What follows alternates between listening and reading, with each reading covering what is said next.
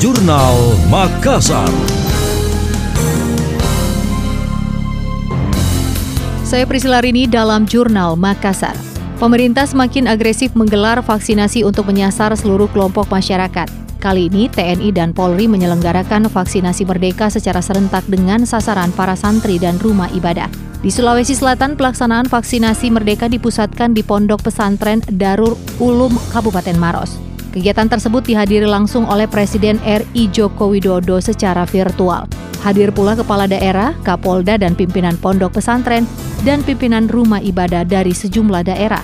PLT Gubernur Sulawesi Selatan Andi Sudirman Sulaiman mengungkapkan program vaksinasi serentak ini sejalan dengan target cakupan Pemprov Sulawesi Selatan yang ditetapkan sebesar 7 juta orang.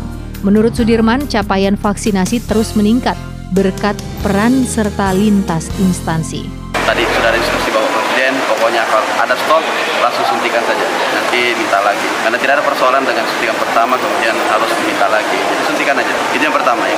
Kenapa? Karena meminta vaksin tidak bisa diminta kalau masih ada stoknya banyak, maka tolong disuntikan saja. Kemudian yang kedua adalah eh, kita menyasar memang pesantren-pesantren, rumah-rumah ibadah, anak-anak sekolah,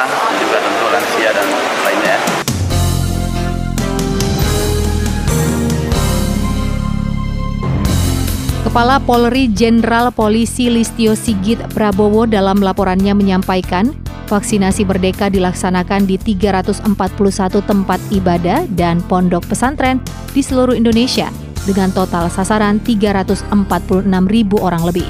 Program vaksinasi merdeka merupakan bagian dari upaya percepatan pencapaian kekebalan komunal terhadap COVID-19. Sementara Presiden RI Jokowi berharap dengan dilaksanakannya vaksinasi serentak ini, sekolah tatap muka maupun kegiatan keagamaan dapat segera terrealisasi.